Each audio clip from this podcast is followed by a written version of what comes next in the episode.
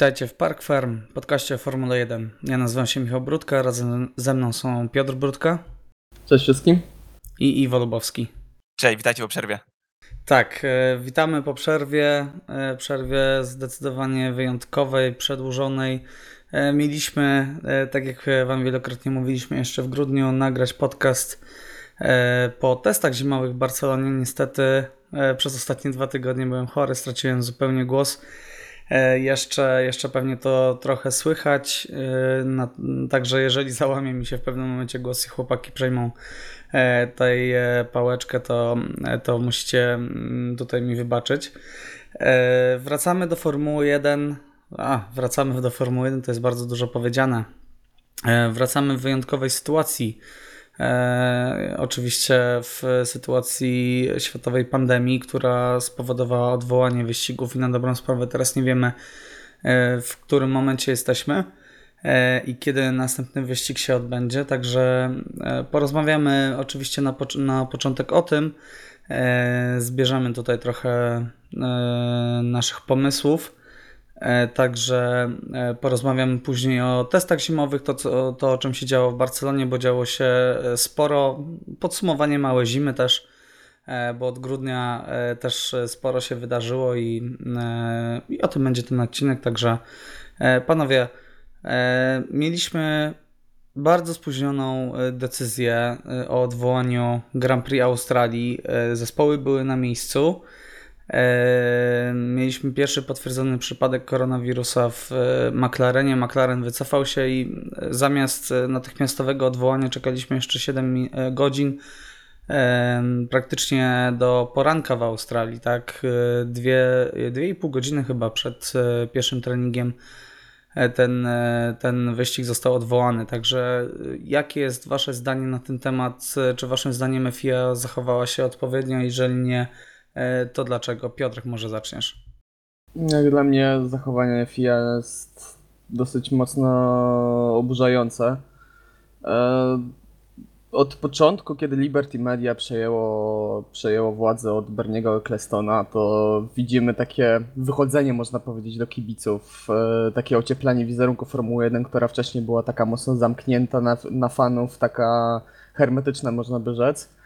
E, a tutaj, no tak jakby można powiedzieć, po, po, powróciliśmy do, do starego zarządzania. Zero informacji, spotkania szefów zespołu do czwartej. W ogóle dla mnie, szczerze powiedziawszy, ja rozumiem, że e, jest mnóstwo umów sponsorskich, mnóstwo umów finansowych, że to wszystko trzeba jakoś e, dogadać, jakoś trzeba to jakieś decyzje podjąć, żeby, żeby te straty ograniczyć do minimum. E, jednakże w sytuacji, w, których, e, w której u jednego z członków zespołu, w tym wypadku McLarena, stwierdzono chorobę, która jest, no wiadomo jak szybko się rozprzestrzenia e, i w tej sytuacji inne zespoły jeszcze deklarują, że dobra, my się musimy ścigać, niech sobie McLaren jedzie do domu, no dla mnie to, dla mnie to jest naprawdę z jednej strony oburzające ze strony FIA, z drugiej strony no, smutne, że zespoły mimo wszystko deklarowały niektóre, że chcą jechać dalej ten wyścig. Okej, okay, Iwo, jakie jest twoje zdanie na ten temat? No tutaj przede wszystkim e, no mogę potwierdzić to, co mówi Piotrek, natomiast e, gdzieś tam z tyłu głowy e, siedziało mi słowo, że zachowanie jest skandaliczne, natomiast no tutaj no my jako fani też nie jesteśmy w pozycji, żeby prawda, oceniać e, to pod kątem e, jakiegoś tam skandalu, bo też właśnie nie mamy tej świadomości, jak wyglądały umowy pomiędzy Liberty, pomiędzy Australian Grand Prix Corporation i też ciężko jest stwierdzić, na co faktycznie mogli w jakim przedziale czasowym sobie pozwolić, ale z perspektywy fana, no takiej mojej personalnej, zupełnie subiektywnej, no było to takie dosyć oburzające, że było trzeba czekać tak długo na tę decyzję. A już tak szczerze mówiąc, palę licho nas, którzy oglądaliby ten wyścig z Polski na, na, na Eleven czy F1 TV Pro, natomiast y, fani, którzy byli zebrani już w Melbourne, no z ich perspektywy to musiało być, to musiało być faktycznie zachowanie skandaliczne, że musieli tak długo czekać na reakcję a szczególnie, że wszyscy zgodnie twierdzą od samego początku, że wirus e, to, to nie jest sprawa, którą należy bagatelizować. Także no, mieszane, miesza, mieszane są uczucia bardzo mocno.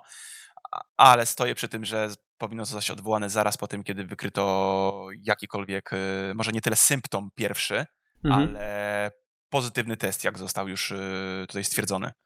Ja sobie jeszcze pozwolę wtrącić tutaj, że ja bym zaczął generalnie dyskusję od tego, że zespołów nie powinno tam być. Że ta decyzja powinna zostać o odwołaniu całego Grand Prix, powinna zostać podjęta o wiele wcześniej, biorąc pod uwagę, że wszystkie zespoły mają swoje siedziby w Europie i większość ludzi dojeżdża z Europy. Część z tych zespołów, no wiadomo, e, Alfa Romeo, Alfa Tauri, Ferrari e, wyjeżdża z Włoch. Także no to jest szalenie niebezpiecznie nie tylko dla środowiska F1, ale też dla samej Australii, e, też dla no, wszystkich ludzi po kolei. No wiadomo jak ten wirus jest zaraźliwy, że no po prostu kolejne porty lotnicze, gdzie ci ludzie się przemieszczali, no były, były zagrożone przez to, że ci ludzie właśnie jechali do tej Australii. Także no moim zdaniem ta decyzja powinna zostać podjęta o wiele wcześniej. No widać, że form FIA i Liberty nie było w ogóle przygotowane na to. Nie brali w ogóle pod uwagę takiego scenariusza, e, bo mm, w ostatniej chwili pokazała się informacja, że mm, no, treningi się odbędą, ale bez udziału kibiców. I kibice e, tłoczyli się przed wejściami, e, no, tylko po to, żeby się dowiedzieć, że nie wejdą tak, na stadion, na trybuny. E, także y, no, tłoczenie się ludzi, jak wszyscy wiemy, też y, no, nie jest bezpieczne w, w tym okresie. E, także no, wielki minus, tak? FIA przez, e, razem z Liberty przez ostatnie e, kilka lat pracowała bardzo mocno nad ociepleniem wizerunku. Tak jak mówicie, mamy kanał na YouTubie, mamy bardzo prężnie działające social media, mamy Drive to Survive. E, I, I to wszystko zostało zaprzepaszczone, bo ostatecznie okazało się, że wyszła ta natura Formuły 1, tak? Czyli, e, czyli no po prostu najważniejsze są, e, najważniejsze są pieniądze. Ja tylko tak? jeszcze szybko wtrącę, bo a, tym bardziej niedorzeczna sytuacja jest y, w tym wszystkim taka, że FIA, mając gdzieś tam na swoim sportowym, motorsportowym podwórku FIM, mogli śmiało wziąć przykład z nich i z Dordy Sports, y, jeżeli chodzi o śmiałe odwołanie e, wyścigów MotoGP. I to można powiedzieć, że bez zająknięcia. Odbyły się wyścigi Moto3, Moto2, kiedy kierowcy już byli w Katarze od dłuższego czasu. Natomiast bez y, żadnych ochów i achów y, w chwilę podjęto decyzję o tym, żeby MotoGP przez kolejne dwa miesiące było odwołane. Także ta decyzja zapadła szybko. I FI, e, FIA, no uważam, że przykład mogło od nich wziąć y, od razu, od razu. No tak, no Formuła E też bardzo szybko odwoływała wyścigi swoje, tak? Dokładnie. E, Co dalej z Formułą 1? E, Mieliśmy oświadczenie, że już wiemy w tym momencie, że e, Grand Prix Australii jest oczywiście odwołane. Bahrain i Wietnam i Chiny także są odwołane, także na ten moment pierwszym takim nieodwołanym wyścigiem jest, jest Zandvoort, tak, prawda? Tak. E, A tak, dokładnie. Jeżeli chodzi o, może nie doczytałem, Bahrain i Wietnam nie mają oficjalnego statusu jako postponed przypadkiem? Czy teraz ja może wprowadzę? Bahrain, nie, Bahrain i Wietnam są, są odwołane Okej, na ten moment. dobra, dobra. E, W sobotę rano była, było oświadczenie, e, także 3 maja to jest pierwszy nieodwołany na ten moment wyścig, natomiast już bardzo otwarcie Formuła 1 mówi, że trzy pierwsze europejskie wyścigi, czyli właśnie e, Holandia, Hiszpania i Monako są zagrożone i że najprawdopodobniej Formuła 1 wróci albo w Monako, albo w Azerbejdżanie. E, Jakie jest Wasze zdanie? Jak to skomentujecie? E, Iwo, też e, masz przygotowaną e, wypowiedź Rosa Brauna, także, także przedstaw ją proszę. E, Jak wygląda tej sytuacja od strony zarządzających e, Formułą 1? No tak, tutaj też czytając właśnie informacje, e, jakie wypadały z padoku, jakie wypadały od teamów e, i, ogólnie zarządzających, można powiedzieć w skrócie, no pomysł jest taki po wstępnych rozmowach, że przewiduje się sezon trwający 17-18 wyścigów, to już wydaje się dużo. Natomiast ze słów Rossa Browna wynika, że są jakieś wstępnie ustalane plany, czy nie skrócić, przepraszam, czy w ogóle nie zrezygnować z przerwy wakacyjnej, która najwidoczniej według niego może trwać już w tym momencie i nie wcisnąć tam paru wyścigów, bądź e, właśnie między innymi dzięki też skróceniu weekendu wyścigowego do dwóch dni. To nie jest żaden oficjal, to, są, to nie są żadne oficjalne potwierdzone informacje. Są to informacje faktycznie pochodzące od Rossa Browna, natomiast są to gdzieś tam wstępne plany, także no próbują jak najbardziej pewnie zminimalizować straty, no i zapewnić jak najwięcej rozrywki nam fanom. Natomiast no nie można tutaj bagatelizować e, całej sytuacji, gdzieś tam zdrowie musi być na pierwszym miejscu. Jeżeli chodzi o mnie, gdzieś tam o moje przewidywanie, jakie to, który wyścig może być pierwszy, no to nie spodziewałbym się, żeby to było przed czerwcem, czyli bardziej byłbym w stronę Azerbejdżanu, Kanady. Monako wydaje mi się, że jest jeszcze zbyt szybko, no ale sytuacja jest tak rozwojowa, że przewidywania, no musiałbym chyba wyciągnąć kryształową kulę w tym momencie. No tak, no w tym momencie, kto tydzień temu by pomyślał, że, że będziemy mieć e, zamknięte szkoły, restauracje, e, także i, i tak fatalną sytuację w Hiszpanii, tak, na przykład. Także sytuacja jest bardzo, bardzo rozwojowa. E, Piotrek, e, jak, jak ty byś to skomentował? No tak jak mówicie, sytuacja jest bardzo dynamiczna, bardzo rozwojowa. Sytuacja się rozwija bardzo szybko i niestety bardzo pesymistycznie. Coraz więcej jest ludzi, którzy chorują. E, I szczerze powiedziawszy, jeżeli nie nastąpi jakiś, jakiś przełom, jeżeli chodzi o tutaj podwórko medyczne, jeżeli lekarze nie wpadną na jakiś pomysł, żeby albo ukrócić tego wirusa, albo leczyć jakoś bardziej skutecznie tą chorobę, e, to ja szczerze powiedziawszy, ja w ogóle nie widzę rundy europejskiej, e, bo sytuacja się tak rozwija i tych chorowań tak przybywa, że no powiedzmy sobie szczerze, Holandia, Hiszpania, Monako, no to ja już z góry zakładam, że tych wyścigów po prostu nie będzie. Myślę, że szanse mają, w, jeżeli bierzemy pod uwagę sytuację, która się rozwija tak jak się rozwija teraz, no to szanse mają moim zdaniu w rundy, które nie są w Europie. Wszystkie rundy europejskie moim zdaniem nie zostaną rozegrane ze względów po prostu bezpieczeństwa. Okej, bardzo pesymistyczna wizja. E, no zobaczymy, tak. No, myślę, że nie ma sensu tutaj za bardzo też e, dywagować na ten temat, e, rozgadywać się. No, przede wszystkim najważniejsze jest zdrowie, tak. I, I tutaj to jest absolutny priorytet. E, Także myślę, e, że pożyjemy, zobaczymy, tak. E, Są teraz rzeczy dużo ważniejsze niż Formuła 1 e, i, i powinniśmy, powinniśmy się najpierw zająć opanowaniem tej sytuacji. Dobrze, to, to może zostawmy już ten temat, chyba że jeszcze coś macie do, do dodania. No tutaj tylko taki jeszcze mały news, ale to wydaje mi się, że to też są raczej po- pokroju może nie tyle plotek, co, co, co, co sytuacji, których się spodziewaliśmy, gdzie zarządcy torów y, mniejszych, natomiast gdzieś tam posiadających licencję na możliwość organizowania toru y, wyścigów Formuły 1, też się gdzie niegdzie zgłaszają, żeby pomóc FYA w zorganizowaniu późniejszych rund. A, bo taka informacja wyszła też od y, dyrektor marketingu Moscow Raceway, a które też zgłosiło się do FIA w celu zorganizowania swojej rundy formuły, jeżeli FIA wyrazi taką chęć e, zapełnienia kalendarza, na przykład dwie rundy rosyjskie. To są na razie też sytuacje rozwojowe, bo tak jak mówimy, no, to nie byłaby stricte, stricte pewnie runda europejska oczywiście, natomiast no, dużo może się w tym roku zadziać, jeżeli chodzi o, o wyścigi. Jest i jakieś tam prawdopodobieństwo, że możemy zobaczyć wyścigi na torze, którego się wcześniej nie spodziewaliśmy nawet. Miałem w tym momencie taki, e, taki koszmar przed oczami. e, Sześć wyścigów na różnych konfiguracjach w Paul Ricard. Już wolałbym, żeby sezon był odwołany. Pod koniec roku, no pod koniec roku może by zawitali na to, że Poznań, ja bym się nie obraził. Tak. e, Z mojej strony jeszcze dodam tylko e, tak regulaminowo, że żeby wyścig był zaliczany do klasyfikacji, musi w nim pojechać 12 bolidów e, i musi być, odbyć się też e, 12 rund.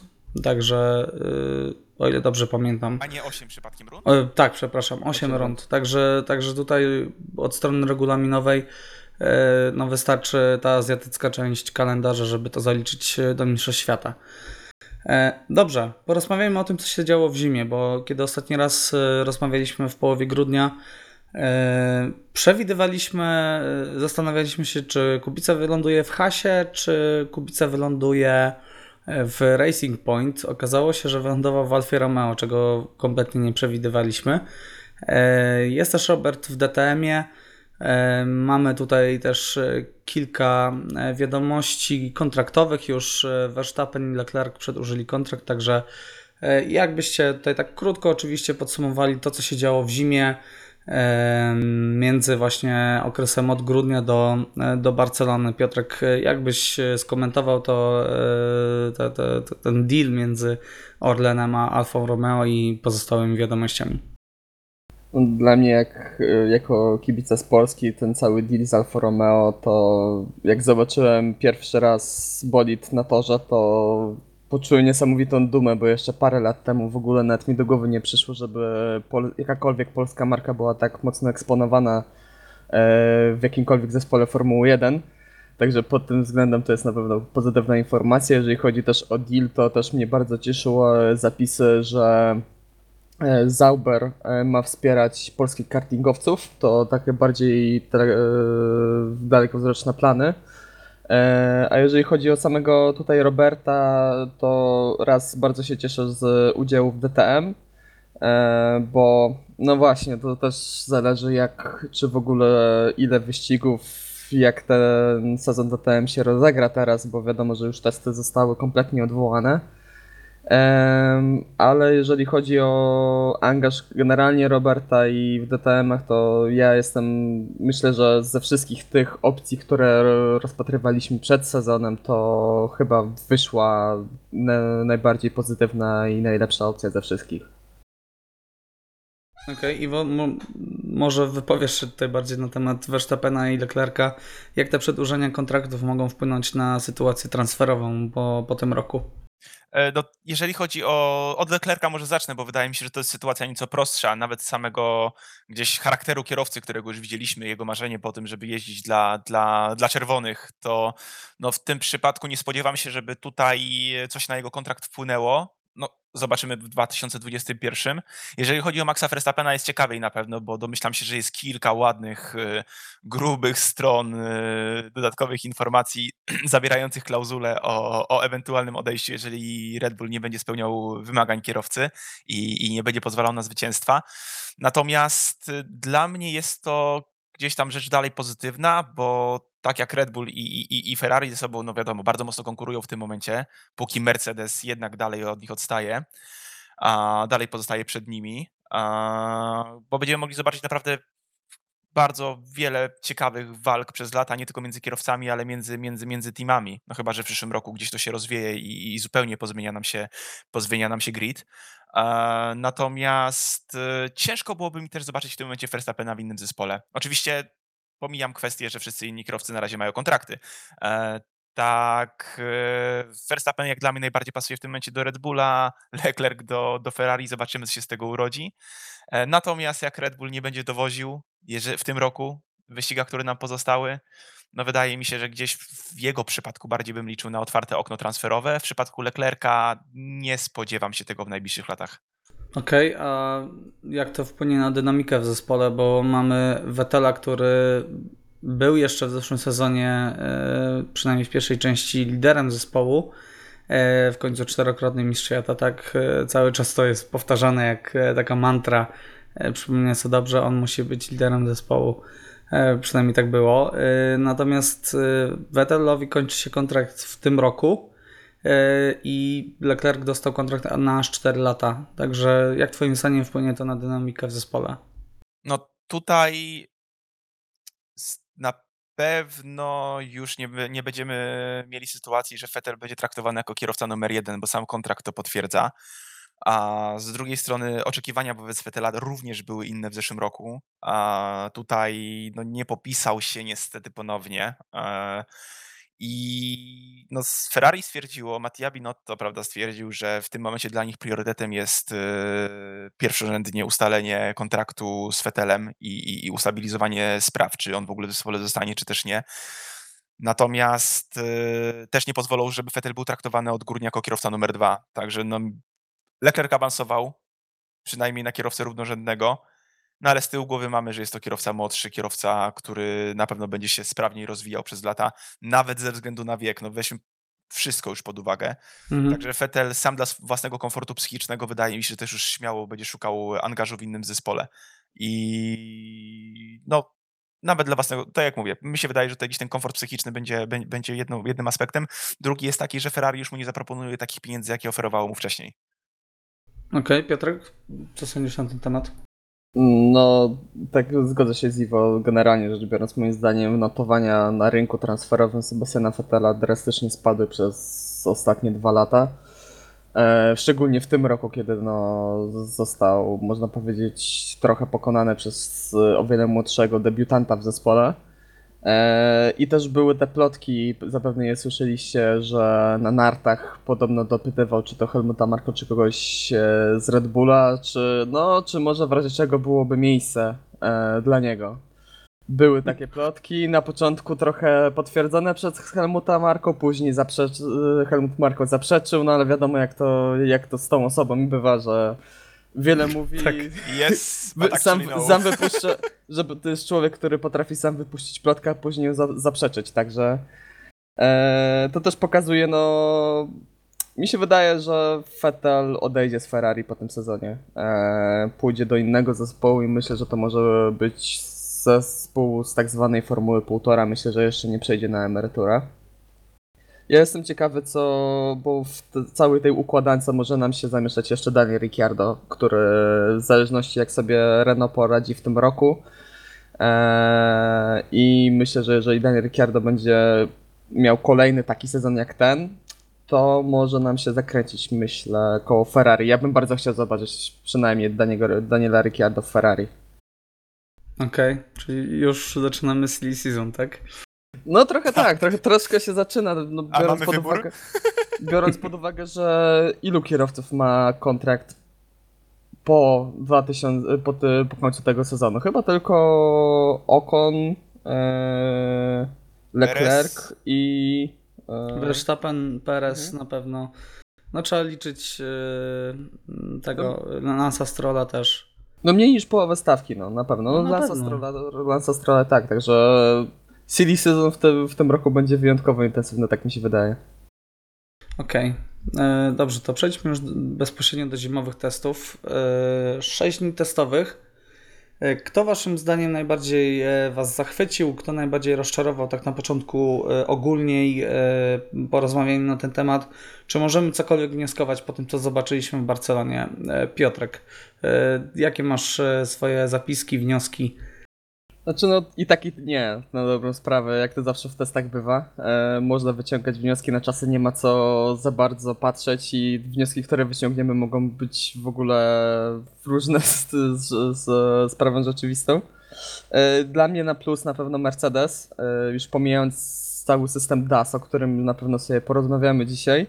E, to no po prostu potężny, ale potężny przebieg przez całe testy. Oni zrobili 903 okrążenia przez te dwa tygodnie. E, Ja sobie nie przypominam, żeby ktoś zrobił aż tyle okrążeń. To jest naprawdę. Odjechali reszcie stawki, biorąc pod uwagę jeszcze te ich problemy z silnikami, które, które mieli w trakcie tych testów. E, Na plus ja bym jeszcze dał na pewno Racing Point. E, No ale oczywiście tutaj też są kontrowersje z ich, z ich bolidem. Renault, które e, trochę się mało moim zdaniem mówiło w trakcie tych testów o Renault, a oni naprawdę wygląda na to, że zrobili bardzo duży progres. I Williams, który o dziwo wyjechał, o dziwo od razu był w stanie jechać. e, Jako pierwsi wyjechali. wyjechali jako pierwsi i wyjechali kompletnym bolidem, także to jest na pewno bardzo duży progres względem zeszłego roku. E, A jeszcze udało mi się znaleźć takie informacje, z, znalazłem takie informacje porównania tempa e, powiedzmy wyścigowego, takie długie przejazdy i porównanie straty do Mercedesa względem Abu Dhabi. Mhm. E, I jak kto wyszedł na plus, kto wyszedł na minus i właśnie Renault poprawiło się o 2,91% względem Abu Dhabi. Jeżeli porównujemy tempo długich przejazdów z Mercedesem. No Okej, Największy. na, pewno sporo. Na drugim miejscu był Haas 2,63%, e, McLaren 1,19% i Williams 0,92%. Większość zespołów było na minusie. Okej. Także e, y, dlatego tutaj wyszczególniłem właśnie Renault, bo myślę, że oni zaraz za Racing Point mogą być właśnie, jeżeli chodzi o układ w stawce. E, Dobrze, Iwo, e, kogo byś tutaj wyróżnił i Ja, zganił? Ja akurat też wcześniej sobie weryfikowałem chyba dokładnie tę samą, tę samą tabelkę, bo to jest taki najlepszy punkt odniesienia. Y, Nie patrzymy na krótkie kółka, chociaż na szybkie kółka, chociaż tutaj no, trzeba pochwalić Roberta Kubica jednak za, za wykręcenie swojego najlepszego czasu dnia. e, Z czego też Musiałeś wspomnieć. Oczywiście, że tak. Mi się to jak najbardziej, jak najbardziej mi się to podobało, żeby. E, Tak, krążyły, krążyły plotki w internecie, że ten czas e, z tego dnia testu będzie uznawany jako klasyfikacja mistrzostw, także bylibyśmy zadowoleni. Oj, bardzo, oj, bardzo. E, natomiast tak, przede wszystkim e, zachwyty, może nie tyle zachwyty, co bardzo pozytywnie zaskoczenie pod kątem Racing Pointa i tutaj zespół wykazał się odpowiednią cwanością i wydaje mi się, że dopóki nie jest to przeciwko regulaminowi, e, to jak najbardziej zespół można pochwalić za to, że oni potrafili, inni też mogli na to wpaść, żeby sobie zespół, żeby sobie boli troszeczkę skopiować. Trosz, troszeczkę. Nie, nie, zgadza się. Natomiast y, jeżeli chodzi o, jeżeli chodzi o, o zespoły, które gdzieś tam może nie zachwyciły, ale pozytywnie zaskoczyły, no to faktycznie oceniałem tylko przez pryzmat długich przejazdów, więc tutaj tak jak Piotrek zwróciłem zdecydowanie uwagę na Renault, a Haas może ma progres, tylko weźmy pod uwagę, że Haas ma progres z dosyć niskiego pułapu w tym momencie, który, w którym w zeszłym roku gdzieś sobie jeździło. E, Pozytywnym zaskoczeniem dla mnie był również Williams. Jestem chyba jedną z niewielu osób, których bardzo podoba się malowanie e, nowego samochodu, nowego, Ja nowego się samochodu. Williamsa. Naprawdę bardzo, bardzo mi się podoba i uważam, że pastą do zębów bardziej był zeszłoroczny bolid niż aktualny. Natomiast bardzo duża pochwała za wyjazd jako pierwsi, bo to miało na pewno bardzo duży czynnik gdzieś tam psychiczny dla, dla, dla całego zespołu i podniosło to na pewno morale. Nie zaskoczyła Alfa, mimo dobrego, szybkiego przejazdu, e, o którym wcześniej wspomniałem, ale tutaj bardziej mi chodzi o zespoły, które zbytnio po prostu nie zwróciły na siebie uwagę, jeżeli chodzi o te, o te długie przejazdy. I tutaj niestety Alfa za bardzo mnie nie zachwyciła. Ferrari zyskało w krótkich, y, przepraszam bardzo, w wolnych zakrętach, natomiast no, straciło swoją moc silnika, ale powody tego też pewnie jeszcze sobie potem omówimy. Tak, zdecydowanie. E, za to taki ogólny duży plus też ze względu na to, komu kibicuję, dla mnie jest dla Red Bulla za bardzo dużą ilość okrążeń, za to, że bolid faktycznie nie sprawiał specjalnie problemów. A tutaj zdecydowanie bardziej problematyczny był Mercedes, mimo wszystko. Także podsumowując, z dużych zespołów dla mnie największy plus dla Red Bulla, z małych zespołów to tutaj przypinam się do Piotrka, jestem bardzo pozytywnie zaskoczony Renault i chcę zobaczyć też, jak się sprawdzą w wyścigach. Nawet z samego faktu, że mają swój jedyny w padoku indywidualny nosek, którego nie ma nikt Tak. Jest fantastyczny ten nos. Dokładnie, Ten, bo, ten nos wygląda, przypomina bolidy z lat 90. Ma fascynujące aero, jeżeli chodzi Tak. o samo aero już za samym przednim skrzydłem, prawda? To jest naprawdę, no jestem ciekaw, jak to będzie wychodziło w praktyce. Tak, dla tych, którzy nie widzieli, zdecydowanie polecamy e, zobaczyć zdjęcia e, bolidu Renault, bo wygląda inaczej. E, Na pewno nie jest kalką Mercedesa z poprzedniego roku, przemalowany na różowy kolor. Dobrze, no skoro wy- wywołałem do tablicy Racing Point, e, była dosyć spora afera, bo jeden z kierowców powiedział, chyba to był Carlos Sainz, że no to jest bolid Mercedesa i pytałem inżynierów, Tłumaczenie ogólnie Racing Point było takie, że y, no, spojrzeli na zdjęcia i skopiowali. E, to, jest, to jest po prostu y, jednocześnie pięknym Formuły 1 i bezczelnością zespołu. E, no i Carlos powiedział, że to jest niemożliwe, bo rozmawiał z inżynierami. Nie, nie jest możliwe skopiowanie jeden do jednego. E, biorąc pod uwagę, że e, no, stery przejął Stroll, Lawrence Stroll e, i e, dąży do bardzo zacieśnienia stosunków między e, Racing Point a Mercedesem, e, no to jest to, jest to zdecydowanie podejrzane i same wypowiedzi, bardzo odważne wypowiedzi zespołu, który e, Sergio Perez mówi, że to będzie najlepszy sezon jego życia. E, Zespół mówi, że będą stawać na podium wielokrotnie. E, Jak skomentujecie to, czy to mm, jest etyczne zachowanie, e, kupienie na dobrą sprawę e, bolidu, czy waszym zdaniem no jest ok, skoro mają taką możliwość i nie zostali przyłapani, to nie powinni być karani. Piotrek, co sądzisz na ten temat?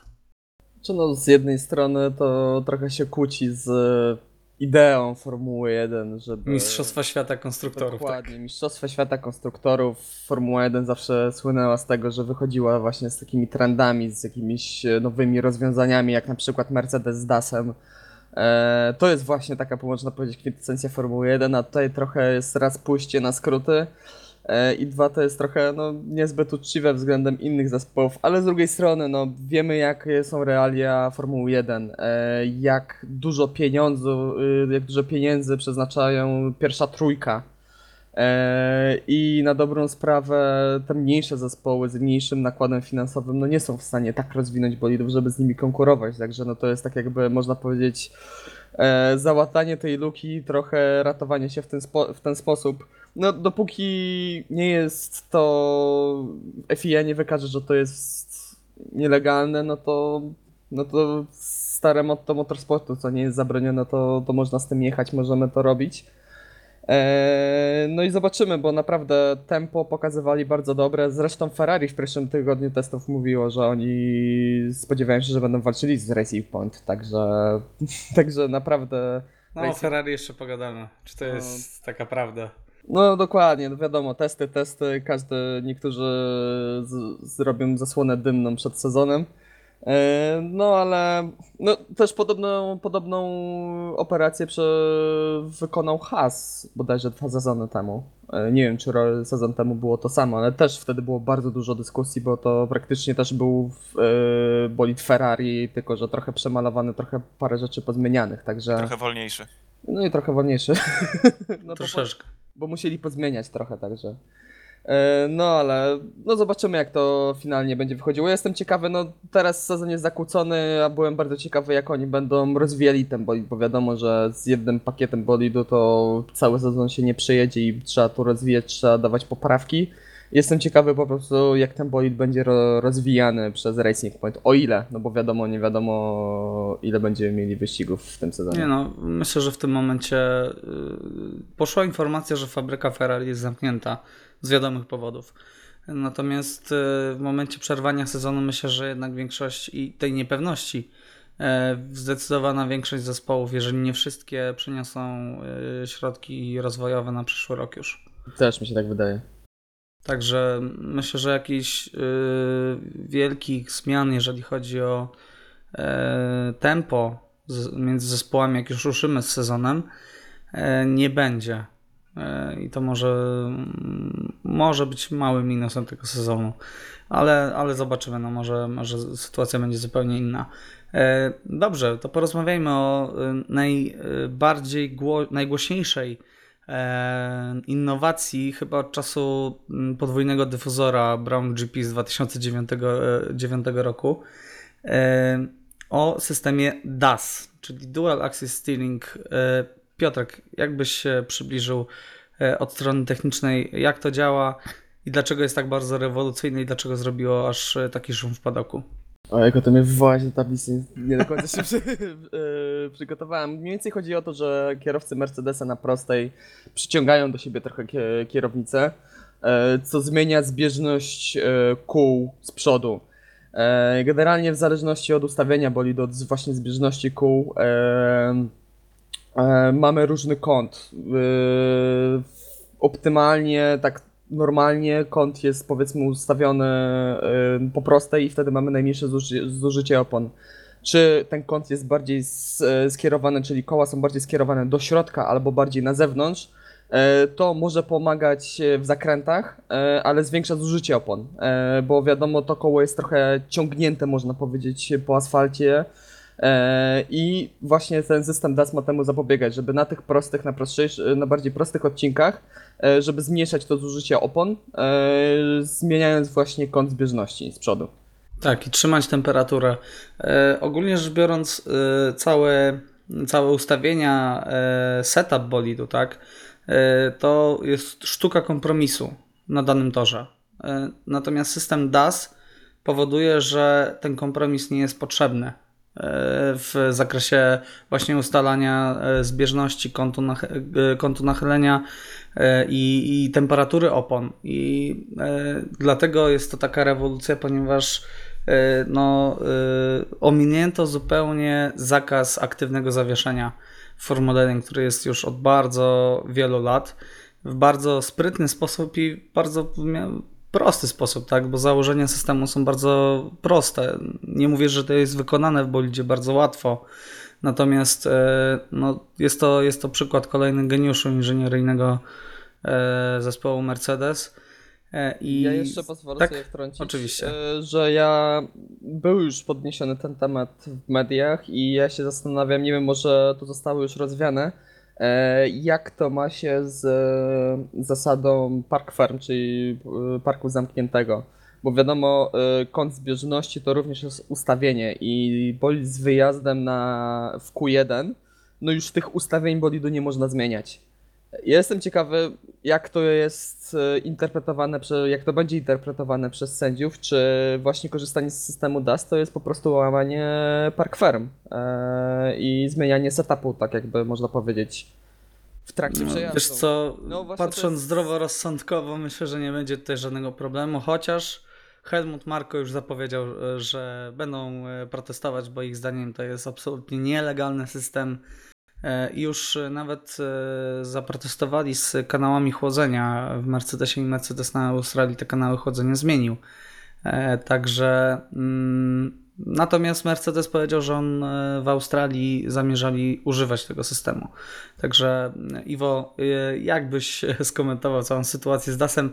Może bardziej szeroko spójrz, kto, czy, czy jest to system, który załatwi mistrzostwo, czy to jest też trochę taka zasłona dymna, mia, miała być zasłona dymna, która namiesza w głowie rywalom i odciągnie ich od e, no, pracowania nad bolidem na 2021. Znaczy tak, y, na pewno DAS-em sobie ułatwili sytuację, na, mając przewagę, której nie ma nikt inny. A tutaj jeszcze powiem jedną rzecz, bo chyba zapomnieliśmy o szalenie ważnym aspekcie systemu DAS, bo nie powiedzieliśmy o tym, że system DAS miał również przede wszystkim e, bardzo ograniczyć i zminimalizować ilość komunikatów radiowych od Louisa Hamiltona dotyczących opon. Tak. Właśnie to jest jeden, jeden z ważnych aspektów, e, ale już żarty na bok. Chcieli chyba zainwestować, z, prawda, stworzyć jak najprostszy sposób, żeby zainwestować jak najmniej pieniędzy w, w zrobienie przewagi. Jak widać, Ferrari gdzieś tam samo troszeczkę się podkopało. Red Bull jeszcze nie ma tego poziomu, także yy, wydaje mi się, że to jest bardzo fajne, roz, sensowne i, i, i w tym przypadku wygląda na to, że legalne posunięcie.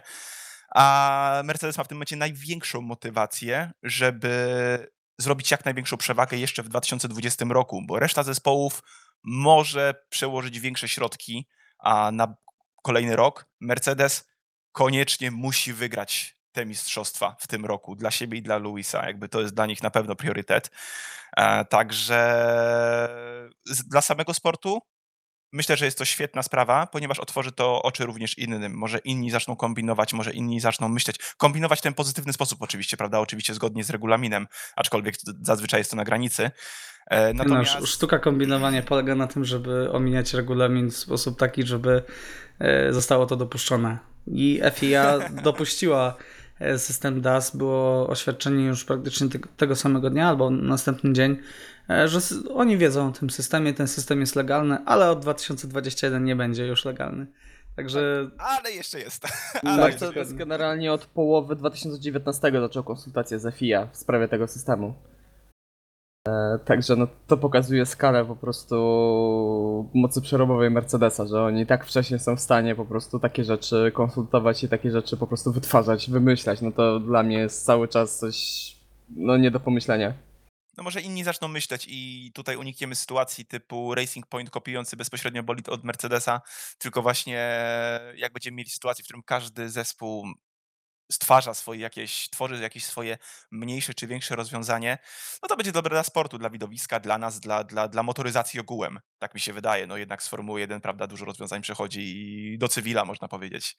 W Cały czas, cały czas e, czekamy na 2021 i te nowe bolidy, nowe regulacje, tak? Oj, definitywnie. E, także no jestem cie, bardzo ciekaw, jak będą wyglądały te bolidy i ile innowacji, e, ile różnic będzie między e, tymi bolidami. E, rozmawiając już o innowacjach, porozmawiajmy o Ferrari. E, jak e, Ferrari w 2019 roku zachwycało podczas testów, mówiło się, że jest pół sekundy szybszy od pozostałych zespołów co zostało boleśnie zweryfikowane, tak w tym roku e, czerwoni nie wyglądają najlepiej. E, Nie wyglądają najlepiej. E, Dochodzi też jeszcze sprawa oświadczenia FIA, które zrobiło bardzo dużo zamieszania i bardzo dużą aferę spowodowało. Także Iwo, jak byś tutaj przedstawił w sytuację w Ferrari? Jak wygląda tutaj to oświadczenie? Na czym ono polegało? E, Przedstaw proszę tę sytuację. Znaczy, przede wszystkim nie dziwię się innym zespołom, gdzie, gdzie wszystkie zespoły, które nie posiadają silnika Ferrari, prawda, z, z, z, złożyło, można powiedzieć, swój protest związany z, z podpisaniem umowy między FIA a Ferrari a po odnalezieniu czegoś w, w, silniku. A Znaczy, nie e, regulaminowego. sprostuję, sprostuję, nie znaleźli niczego, Nie znaleźli ale niczego. mieli podejrzenie, że coś nielegalnego było i podpisali ugodę, która y, najprawdopodobniej wyglądało to tak, że e, FIA powiedział, "N- nie mamy, nie, prze, nie, nie poświęcimy środków na wykrycie tego, bo jest to bardzo no, kosztowne, tak, e, i czasochłonne. E, Natomiast umówmy się tak, powiecie nam, co było w tych silnikach takiego, jak ominęliście regulamin, a my was za to nie ukażemy i ugoda będzie tajna. Ja No słuchałem to, no i oświadczenie o tej ugodzie, tajnej ugodzie, zostało opublikowane ostatniego dnia testów. Także Piotrek, e, jak byś tutaj skomentował tę sytuację? No to jest z jednej strony czapki z głów dla inżynierów Ferrari, że zrobili to w taki sposób, że pewnie to śledztwo FIA trwało naprawdę długo, e, bo praktycznie większość zeszłego sezonu były te dyskusje o legalność e, silnika na dobrą sprawę układu paliwowego e, Ferrari, bo o to się wszystko rozchodzi.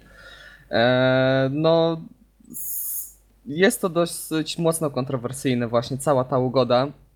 Ja szczerze powiedziawszy się zdziwiłem, że w ogóle oni to mm, opublikowali taką informację.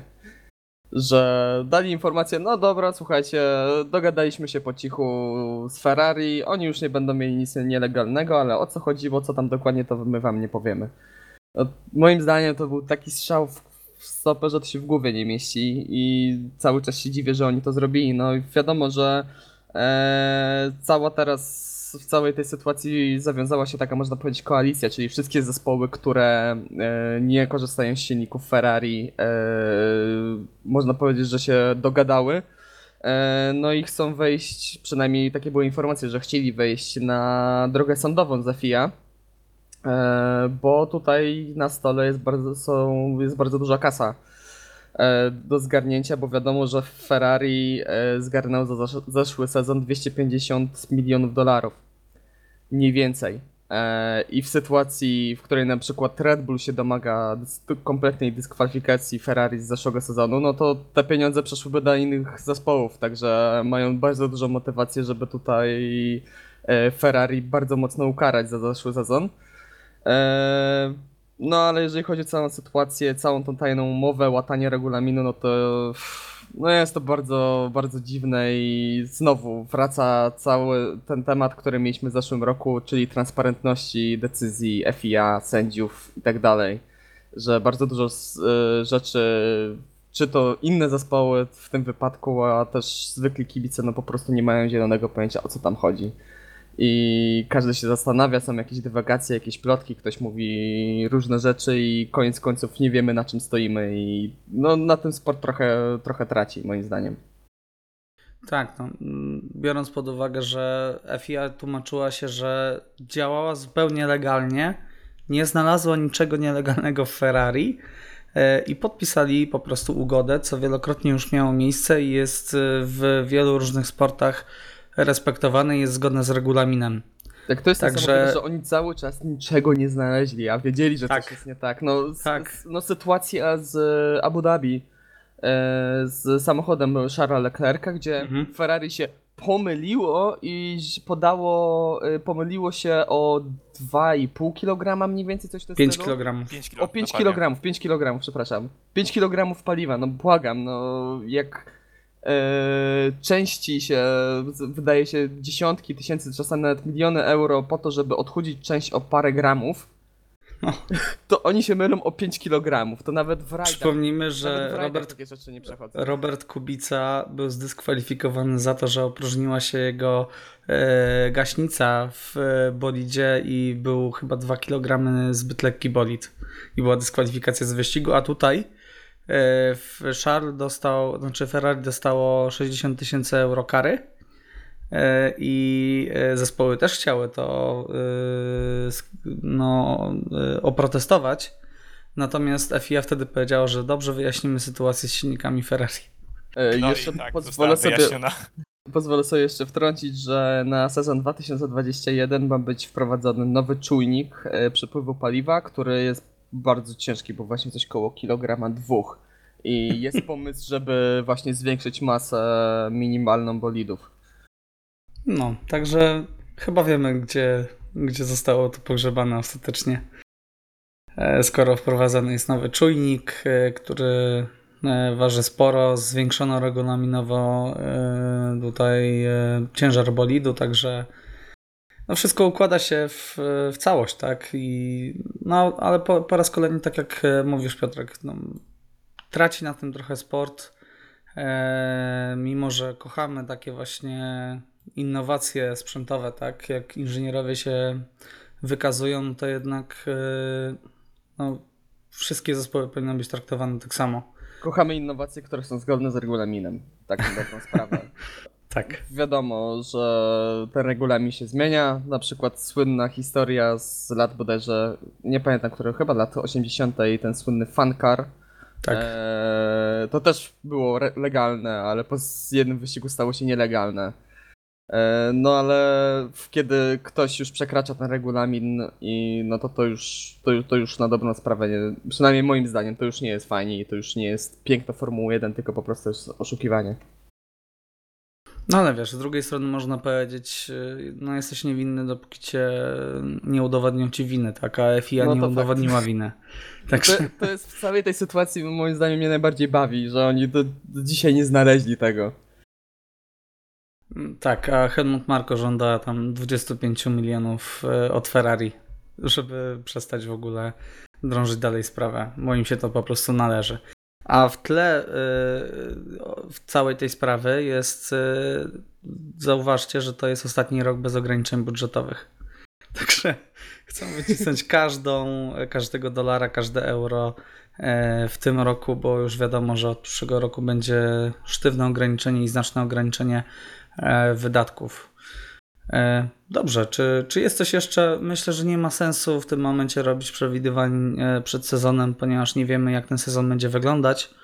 E, Na pewno, kiedy już sytuacja się wyklaruje, zrobimy, myślę, oddzielny taki no, zdecydowanie krótszy, oczywiście odcinek, pewnie kilkunastominutowy z, z wyjaśnieniem sytuacji, jak sezon będzie dokładnie wyglądać jak, jakie są nasze przewidywania przed pierwszym wyścigiem i zrobimy sobie takiego małego e, typera, taką małą naszą zabawę, którą tutaj mieliśmy już przed Australią zrobić. E, Czy panowie chcecie coś jeszcze dodać? Czy coś jeszcze pominęliśmy waszym zdaniem, co się działo w zimie e, podczas zimowych testów?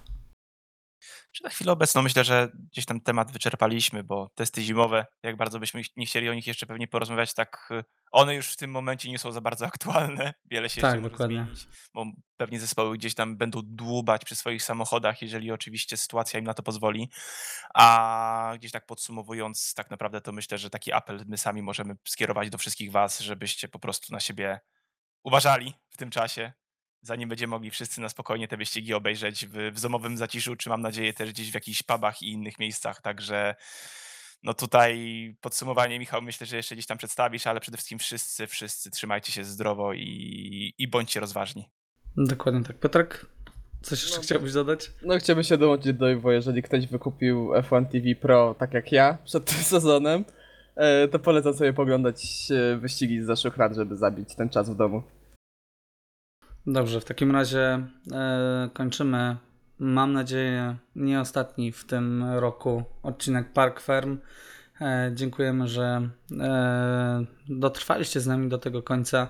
E, życzymy Wam dużo, dużo, dużo zdrowia. Uważajcie na siebie, zostańcie w domu i mam nadzieję, słyszymy się jak najszybciej. E, o e, Formule 1 dzisiaj rozmawiali Piotr Brudka, Dziękuję bardzo. Iwo Lubowski Dzięki wielkie, trzymajcie się. I Michał Brudka. Trzymajcie się, dużo zdrowia. Hej.